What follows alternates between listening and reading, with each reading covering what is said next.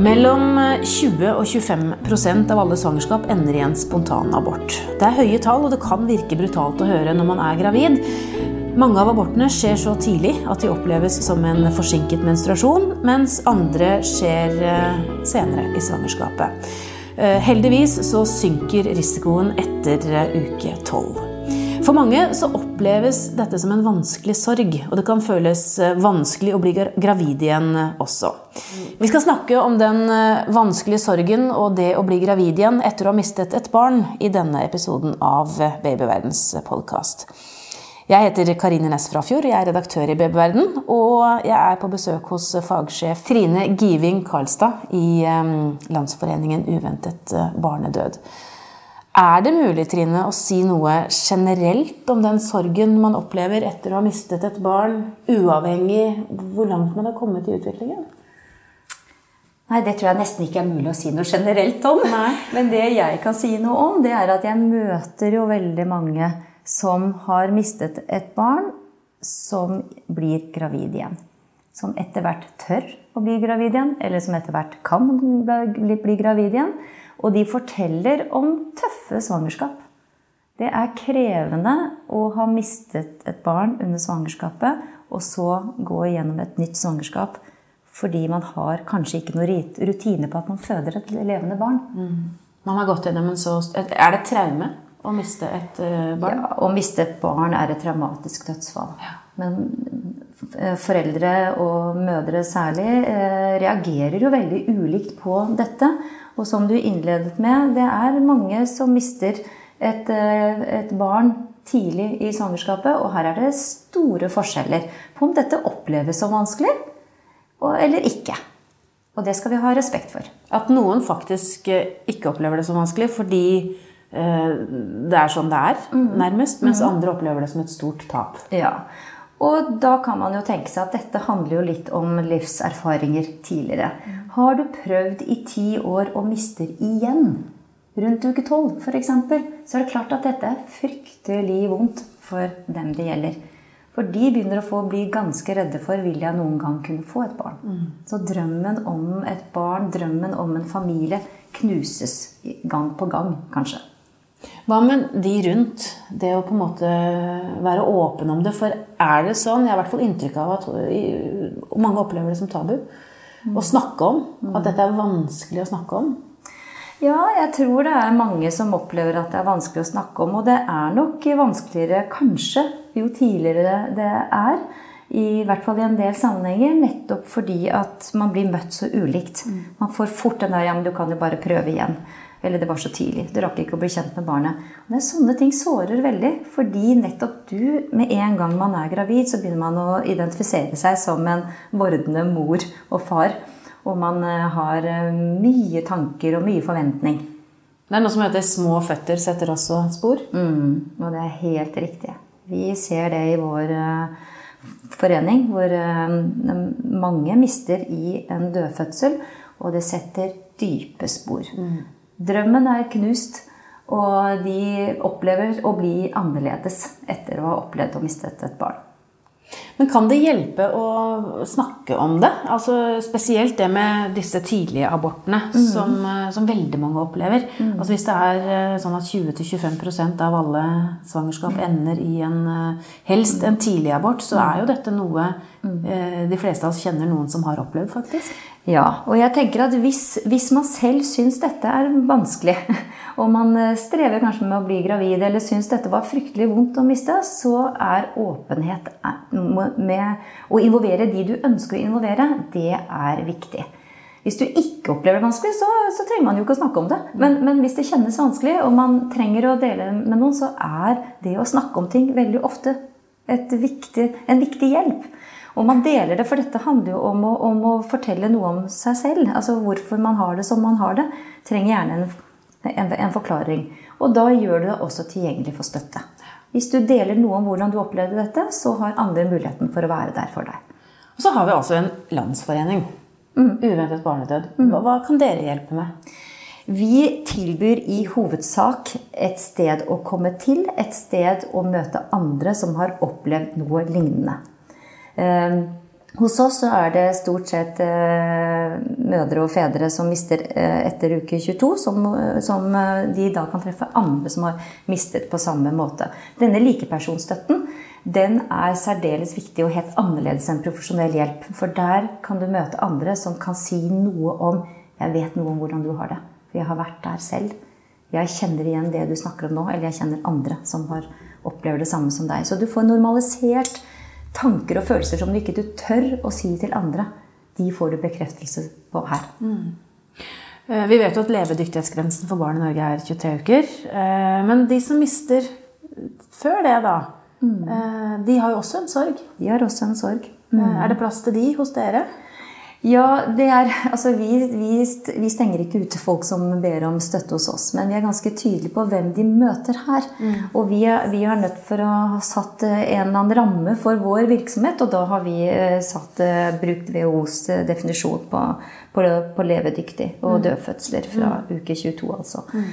Men det fins f.eks. et forum for foreldre som mister barn, som vi har som heter LUB foreldreforum, tidligere Englesiden. Og der er det fra uke 15, svangerskapsuke 15. Og der vil man kunne treffe hverandre også. Har du inntrykk av at uh, dette ble brukt? Det forumet? Ja, ja det ble brukt. Ja. Mm. Og der får man støtte fra Der treffer man andre i samme situasjon og kan lese andres historier og, og få, få, respons på det man skriver. Mm. Vi skal snakke om det å bli eh, gravid igjen etter å ha opplevd å miste et eh, barn. Men mm. Aller først skal vi ta en liten pause. Vi snakker altså om det å miste barn. Et vanskelig tema. Og ikke minst det å kanskje tørre å bli gravid igjen, eller å kunne bli gravid igjen etter å ha gått igjennom et traume som det er å miste et barn. Jeg er hos eh, Landsforeningen uventet barnedød, fagsjef eh, Trine Giving Karlstad. Ehm, er det mange av de du snakker med, som syns det er tøft å bli gravid igjen? De aller fleste uttrykker egentlig det. At det er krevende og til tider ganske vondt å være gravid igjen. Eh, samtidig så representerer jo det for en del også litt trøst og håp å bli gravid igjen. Fordi drømmen om et barn er så sterkt. Mm. Man ønsker så gjerne et barn, og man har en eh, Man har så ekstremt behov for å yte omsorg til et barn. Armene som skulle tatt vare på et barn, de er så tomme og tunge fordi man søker så veldig etter det.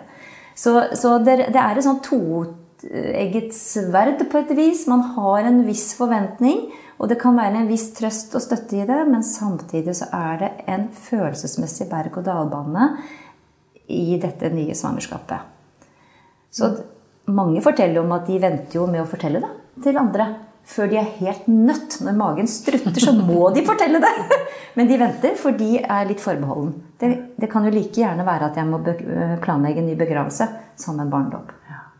Er det noen eh, Det er vel ikke en fasit på det, det tror jeg ikke. Men eh, er, hvor lenge bør man vente for å bli gravid igjen? Har dere noe råd i forhold til det? Skal man bare, etter å ha mistet et barn, skal man bare kjøre på så fort man kan? Eller så er det noe med å la denne sorgen bli bearbeidet? Altså det er vanskelige problemstillinger. Det er vanskelige problemstillinger, og det er et godt spørsmål. Og vi får ofte det spørsmålet. Og jeg spør egentlig litt tilbake da. Er, hvordan har, har, du det midt oppi dette? Hva er dine ønsker? Hva tenker du? Og jeg tror det er fryktelig farlig å gi råd på dette her. Det må man finne ut av sammen, som, som par også. Mm. Og her er det ofte veldig ulike, ulike ønsker i paret også. Så eh, noen forteller om at det eneste de er opptatt av, er å få et nytt barn og bli gravide fort igjen, og sier at det ble viktig for dem. Andre sier at det ble jeg tror kanskje jeg ble for fort gravid, og jeg kjente at sorgen over det barnet jeg mistet, kom uh, veldig kraftig tilbake når jeg fødte dette mm. barnet og skjønte hva jeg faktisk har gått glipp av. Mm. Og an, andre igjen uh, bruker fryktelig lang tid på å bli gravid igjen, og så blir det et, en, et stor sorg, det også, fordi at frykten for å ikke bli gravid igjen er så sterk. Så jeg råder ikke på dette. Jeg prøver å invitere til en samtale for å heller finne litt ut av hvordan dette er for akkurat det. Og så nevnte du dette med par. Og så er det jo sånn at det er jo kvinnen som øh, opplever dette, som bærer barnet, som må føde barnet, kanskje. Hva med partner?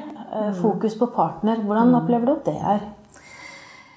Eh, Det kan være ganske tøft å være en far som står ved siden av en, som, en mor som er blitt gravid igjen, f.eks.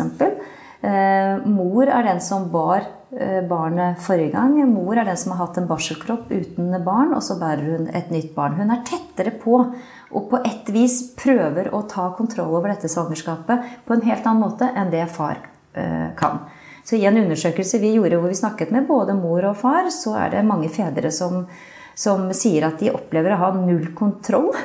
Og er ganske bekymra, men en del av de klarer ikke å si det til eh, kona, kanskje. Fordi at de må prøve å være til støtte for henne. Og andre involverer seg jo veldig sterkt og tar del i dette. Men det er, kan være vanskelig å stå litt på sida i form av at han ikke bærer barnet. Er det mange par som sliter altså, i denne perioden? Ja, det er veldig vanlig å slite. Og da tenker jeg det er viktig å snakke om dette som sorg. At det er vanlig å slite og vanlig være veldig ulike, og det er vanlig å være på ulike plasser i sorgen. Også under et nytt svangerskap. Og at dette handler ikke om at de er på skilsmissens rand, men fordi sorg er så sterke krefter at det gjør det vanskelig å, å, å se utover seg selv om, omtrent. Man blir veldig, veldig preget av å være i sorg og har lite overskuddskapasitet. Man mister hukommelsen, er ukonsentrert og er fryktelig mye lei seg og utmattet. Og så er jo sorg kanskje noe som både kommer og går i bølger. Og så er det noe som varer ulikt kanskje hos den enkelte. Altså tenke på intensitet i sorg. Eh, Det kan også være vanskelig. At man ikke sørger likt hele Veldig tiden. vanskelig. Så det er, og kropp, sorg er også veldig kroppslig. ikke sant? Så mange kan ha veldig sterke kroppslige plager. Vanligvis så ser vi jo at eh, mannen går fortere tilbake til jobb. Kona er hjemme aleine. Det kan være vanskelig for mannen å vite det. Så det er, Og hvor lenge varer en sorg? Hvor høyt er opp? Umulig å svare på. Kommer så an på. Men det viktigste når et foreldrepar mister et barn, så tenker jeg det viktigste er da å finne litt ut av hvordan har du det oppi dette? Hvordan har jeg det oppi dette? Og at man kommuniserer om det. Da kan man lettere prøve å finne hverandre i sorgen og la parforholdet bli en trygg havn. At man har raushet og romslighet i forhold til hvor ulikt sorg treffer. Og så er det noe med å bli gravid igjen etter å ha mistet et barn. Eh, og du sier at det er, det er selvfølgelig vanskelig og krevende. Eh, kan man få hjelp? Eh, jeg tenker Man går jo til jordmor, man går til lege, men er det noen ekstra oppfølging man bør be om? Ja, det bør man. Og når man har mistet et barn tidligere, så skal du få bedre hjelp. Eller mer oppfølging enn et vanlig svangerskap. Og det er veldig vanlig at, at eh, kvinnene tar mer styring. For nå skal de i hvert fall gjøre alt de kan for å unngå at det skjer igjen. Og det er emosjonelle behov som må dekkes, og det er også kliniske behov. Så be om ekstra ultralyder for å se at hjertet slår. Det er vanlig, og det kan du forvente. Og be om ekstra samtaler med jordmor. Bare det å få snakket om din frykt og redsel og angst for neste fødsel, det er kjempeviktig. Så ja, det er hjelp å få, og de aller fleste, eller mange, forteller i hvert fall om at de får god hjelp. Og så er det ikke alle som får det heller. Men det kan du be om. Og så er det det med at barnet da, dette etterlengtede barnet eh, endelig kommer. Eh, og naturlig følelse vil jo være ren glede, men her er det kanskje også blandet noe med angst? Her er det nok veldig sammensatt. Det er eh, fantastisk på mange vis å få dette nye barnet, og samtidig blir dette nye barnet også en sterk påminner om hva du har gått glipp av med førstemann. Og det er veldig få jeg snakker om som snakker om at dette er et erstatningsbarn. Dette er et nytt barn. Det er ett barn til. De er andregangsmor, kanskje. Uten å ha vært praktiserende mamma. Så de gjør ting for første gang, men har vært mor en gang før. Så det er en ganske sånn dobbelthet i det. Og noen bruker litt tid på å, å få en god og nær tilknytning fordi de har holdt litt avstand. De er redd for at de kan dø. Og noen strever med dette en stund, andre går det kort tid med. Dette her er jo også så forskjellig. Noen blir redd for krybbedød, andre blir ikke det. Og klarer å glede seg og ikke la angsten ta overhånd. Så er det noe med å gi det barnet som er dødt, rom og plass i livet Ja. sitt. Altså, Man får veldig ofte spørsmål hvor mange barn har du? Ja. Hva skal man svare da? Jeg har ett som lever og ett som er død. Ja, da det, hører jeg en del eh, prøver å lage seg litt sånn De forbereder seg litt på det spørsmålet. Og mange forteller i hvert fall meg at de har gjerne to svar. Det ene er etter hvert at de ser an situasjonen og velger litt er dette viktig for meg å si til denne personen, eller er det ikke. For når man sier at man har et barn som lever og et barn som er død, f.eks., eller nummer to døde, så gjør det noe med stemningen ofte. Det gjør noe med mottaker. Man er ofte, veldig, man er ofte ganske hensynsfull, for det gjør, så, det gjør noe med den som hører et barn som er død, og så stopper hele samtalen opp. Så, så det, å, det, å, tenke litt igjennom når man skal si det og ikke si det, kan være en hjelp. Og så si til seg selv at dette betyr ikke at jeg ikke er like glad i det barnet som er død lenger. Det betyr bare at jeg skåner meg selv litt for hvilke situasjoner det er viktig for meg å si noe om det. Og Hvis vi skal ta den andre siden av bordet, da, når man stiller det spørsmålet mm. og får et svar om at vedkommende har et dødt barn, er det da ok å spørre om hva som skjedde? Vise interesse?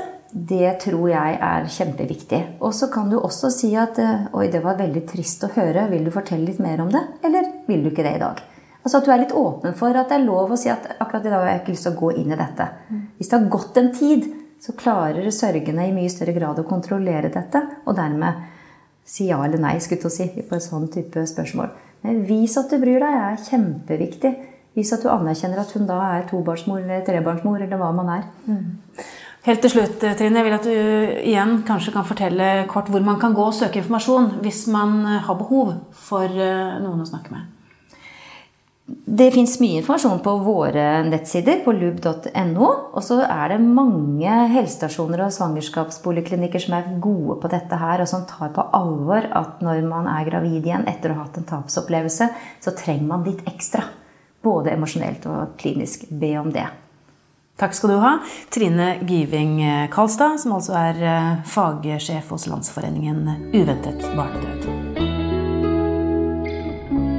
Hvis du lurer på mer om dette temaet, finner du mange artikler på babyverden.no og diskusjoner med andre i Babyverdens forum. Hvis du ikke allerede har lastet ned appen vår, Gravid og barn, så anbefaler jeg deg å gjøre det med en gang, så kan du følge utviklingen til barnet ditt dag for dag og uke for uke. Siden du er opptatt av graviditet og barn, kan det også være lurt å abonnere på Babyverdens podkast, så får du nye episoder automatisk hver uke. Det er også vi som lager podkastserien Gravid uke for uke. Den bør du også få med deg hvis du har barn i magen. Har du kommentarer eller et tema du ønsker at vi skal belyse, så kan du sende en e-post til podkast at babyverden.no. Men husk at vi som lager denne podkasten er journalister og ikke helsepersonell. Så hvis du har medisinske spørsmål, må du ta kontakt med jordmor eller fastlegen din. Ha det godt til vi høres igjen.